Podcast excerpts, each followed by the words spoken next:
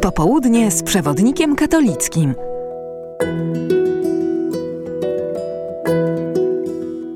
Ksiądz Wojciech Nowicki. I Piotr Jóźwik.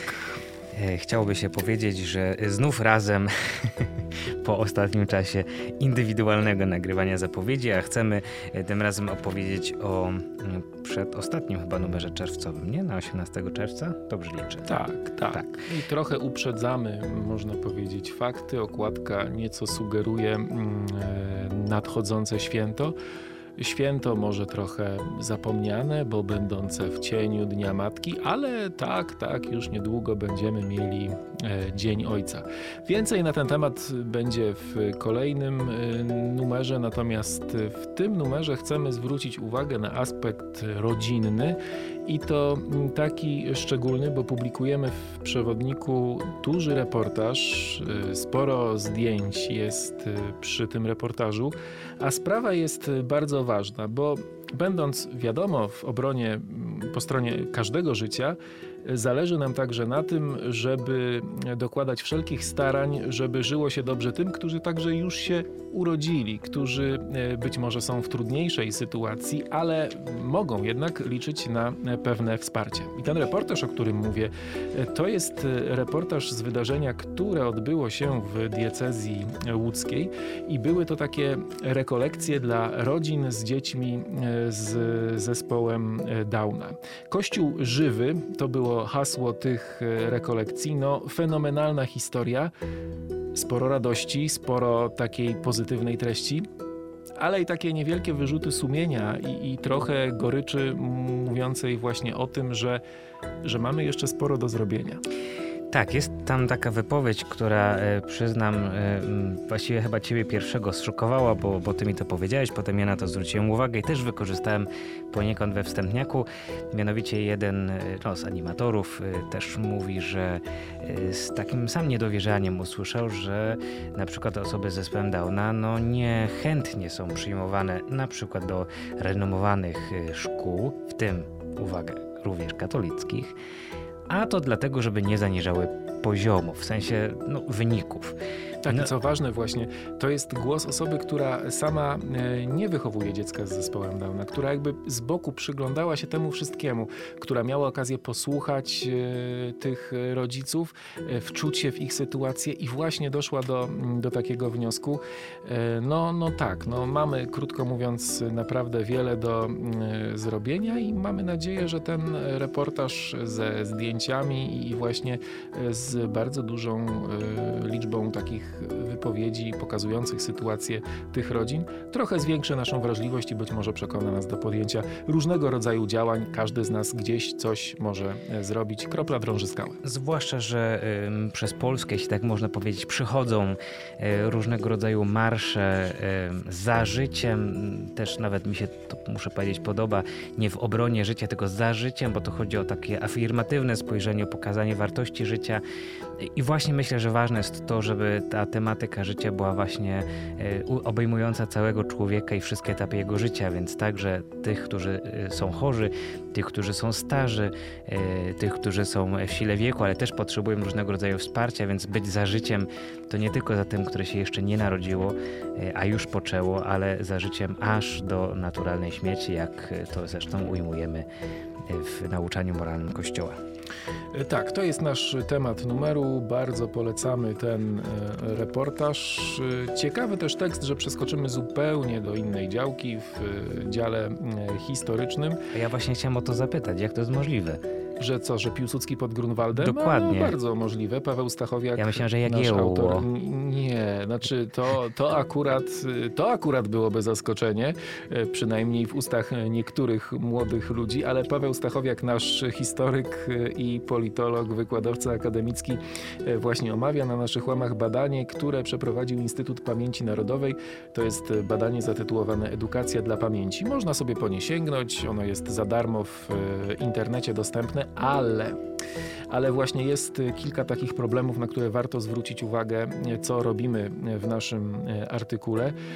No bo jak pisze Paweł Stachowiak, coraz trudniej będzie nam rozmawiać używając niby oczywistych odwołań do przeszłości i podaje konkretny przykład, bo kiedy Jan Paweł II mówił każdy ma swoje Westerplatte, wszyscy go rozumieli. Natomiast dzisiaj, gdyby był z nami, gdyby coś takiego powiedział, to wielu słuchaczy niestety nie wiedziałoby o co z tym wszystkim chodzi. Musiałby być przypis. Myślę, że tak. E, no ale szklanka nie jest tylko w połowie pusta, bo można zwrócić uwagę na to, że w połowie jest też pełna, bo e, są takie działania, które przynoszą konkretne efekty, między innymi rewolucja muzealna ostatnich dekad od Muzeum Powstania Warszawskiego założonego przez Lecha Kaczyńskiego poczynając. Ona przynosi dobre rezultaty i co ciekawe młodzi ludzie pytani skąd brać tę wiedzę historyczną, z czego korzystać, właśnie na pierwszym miejscu wskazują te mm, muzealne mm, placówki. E, co zrobić, żeby historia, która e, nie będziemy się czarować, jest takim wspólnym mianownikiem, czy może powinna być wspólnym mianownikiem łączącym e, ludzi żyjących w jednym e, kraju. Faktycznie była taką płaszczyzną, do której można się odwoływać. O tym też Paweł Stachowiak pisze, a podobny temat porusza w swoim artykule ksiądz Artur Stopka. Tak, poniekąd, bo on właściwie odwołuje się do badań, które opublikowało Laboratorium Poznania Politycznego Instytutu Psychologii Polskiej Akademii Nauk i to jest dokument zatytułowany Czy i jak identyfikujemy się dziś z Polską. Przy czym e, ksiądz Artur Stopka e, nie tyle omawia cały ten e, raport, ile skupia się trochę bardziej na tym utożsamieniu Polaków z wiarą, bo znamy przecież dobrze to określenie Polak-katolik, czasem wypowiadane ironicznie również. Pytanie, na ile ten związek jest silny, na ile jest ugruntowany historycznie, na ile dzisiaj młode pokolenie ciągle utożsamia się jeszcze z tymi dwoma wartościami, to znaczy z przywiązaniem do ojczyzny, a jednocześnie z przywiązaniem do wartości chrześcijańskiej, czy może wprost wiary chrześcijańskiej. Mm, I to próbuje z tego raportu wyciągnąć dla nas właśnie mm, e, ksiądz Artur Stopka. Zdradzić możemy, że z tych badań wynika, że wiarę za ważny element polskości uważa, no, no. Y, z, całego, z całej populacji, czy tak, w określonym wieku? Z całej populacji. 30%? Mm, Połowa z tego.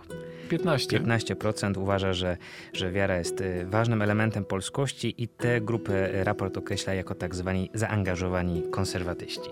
Po więcej odsyłamy do y, naszego księdza Artura. E, mówiłeś o młodych ludziach, o tym jak oni e, rozumieją polskość, jak widzą swoje związki z Kościołem. E, no to o młodych pisze też w najnowszym numerze Piotr Wójcik. To jest można powiedzieć taki raport, taka mm, analiza dotycząca sytuacji młodych ludzi w Polsce. Piotrek przedstawia ich sytuację, zestawia to z młodymi ludźmi za granicą. No i wychodzi z tego mniej więcej taki obraz, że młodzi w Polsce są na nieustannym dorobku, bo pomimo niezwykłego wzrostu gospodarczego, jak i ostatnio ostatnio, w trzech ostatnich dekadach tak naprawdę miał w Polsce miejsce. Wchodzący w dorosłość mieszkańcy Polski wciąż zmagają się z całym szeregiem problemów, które utrudniają im realizację planów życiowych, a potem nie ma się co zrzymać, że na przykład wskaźnik dzietności jest, y, czy był w zeszłym roku, najniższy od 2003 roku, tylko gorzej właśnie wtedy. Było 1,26 to jest w tej chwili, a jeżeli chodzi o inne dane, na przykład to 66% młodych Polaków w wieku 18-34 mieszkało w 2022 roku z rodzicami, tylko w w czterech unijnych państwach ten odsetek był e, wyższy. Także mm, e, ciekawe spojrzenie na sytuację e, młodych, no i warto o tym wszystkim pamiętać, zanim będziemy przedstawiać swoje cudzysłów diagnozy na temat tego, jak to młodzi unikają odpowiedzialności, jakie to jest stracone pokolenie i jak im się nic nie chce. To jak mówimy o odpowiedzialności, to jest niewątpliwie temat bardzo gorąco i szeroko dyskutowany, czyli dotyczący mm, projektu, który pojawił się w Unii Europejskiej, wspólnej odpowiedzialności za uchodźców. W tej chwili e, ci, którzy przybywają do granic państw Unii Europejskiej, no są przez te państwa podejmowanie. W związku z tym siłą rzeczy na tych prawie 30 powiedzmy państw Unii Europejskiej zaledwie kilka niesie na sobie tą odpowiedzialność właśnie za to, co zrobić z tymi uchodźcami, którzy przybywają. Oczywiście można zamknąć oczy i udawać, że problemu nie ma, no ale problem jest, bo oni ciągle przybywają. Nie jest też rozwiązaniem, jak się okazuje, finansowanie to z naszych pieniędzy, jakby nie patrzeć. No, takich obozów w Afryce Północnej, które trzeba by powiedzieć wprost, no, przypominają bardziej obozy pracy i to takiej no nie chcę już użyć słów koncentracyjne, bo one nam się bardzo kojarzą e, w, inaczej pewnie w, w, Polsce w związku z Auschwitz i tak dalej, ale e, niewątpliwie nie są to warunki, które, były, które określilibyśmy warunkami godnymi życia jakiegokolwiek człowieka. No i pytanie, jak teraz rozwiązać ten problem, na czym miałaby polegać taka solidarność, czy jest to dobre rozwiązanie? O tym pisze Monika Białkowska, a okazją dla nas do tego tematu jest Światowy Dzień Uchodźcy, e, który, który się zbliża. A jeśli mówimy też o czerwcu i w, też nasz numer wychodzi już tak prawie u progu lata, no to warto też y, jakoś się może przygotować na to, co nas czeka, bo widzimy... Pytanie, czy się da. No właśnie, z roku na rok widzimy, że pojawiają się takie ekstrema pogodowe, albo przychodzi jakiś szaleńczy upał i, i trwa, albo y, nagle się pogoda załamuje i po prostu ściana deszczu, albo bije wielki grad, a też zdarzają się trąby powietrzne w Polsce coraz częściej. W związku z tym, no właśnie, jak, jak powinniśmy i czy możemy się na to jakkolwiek przygotować, o tym, że mm, nawet jeśli by niektórzy zaklinali rzeczywistość, nie da się tego ukryć, że klimat się zmienia. Mm, A są tacy, którzy cały czas to robią. No tak, natomiast no, przyglądamy się faktom, nie, nie stajemy tutaj po żadnej ze stron, że tak powiem, różnych teorii e, o ocieplaniach czy nie, tylko przyglądamy się faktom i, i zastanawiamy się, co nas czeka w takim razie, przynajmniej w Polsce, jeśli chodzi o o pogodę. No to na koniec jeszcze zachęta do sięgnięcia do naszych felietonów. Tomasz Królak pisze o tym, że Francja wcale nie jest taką duchową pustynią, jaką y, by się mogło nam wydawać, a niektórzy są o tym przekonani. A Piotr Zaręba i Michał Szudrzyński tym razem o politycznej e, polaryzacji, która zatacza coraz szersze e, kręgi. Warto, warto przeczytać, tym bardziej, że e, co tu dużo mówić, lepiej nie będzie, bo jesteśmy w sezonie przedwyborczym albo już wyborczym. No i tych informacji, które będą miały nas nakręcić, podkręcić, jeszcze bardziej zmobilizować, jeszcze bardziej zdemonizować drugą stronę, będzie mm, coraz więcej. Także e, mimo, że panowie wołają, to, to wygląda na to, że będzie to taki głos wołającego na puszczy. Mam nadzieję, że po lekturze ich tekstów e, przynajmniej będziemy w stanie się nieco na to uodpornić.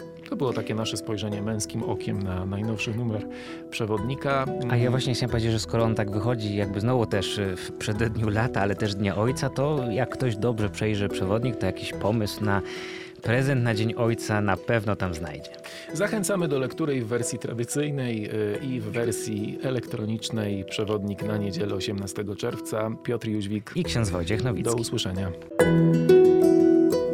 Popołudnie z przewodnikiem katolickim.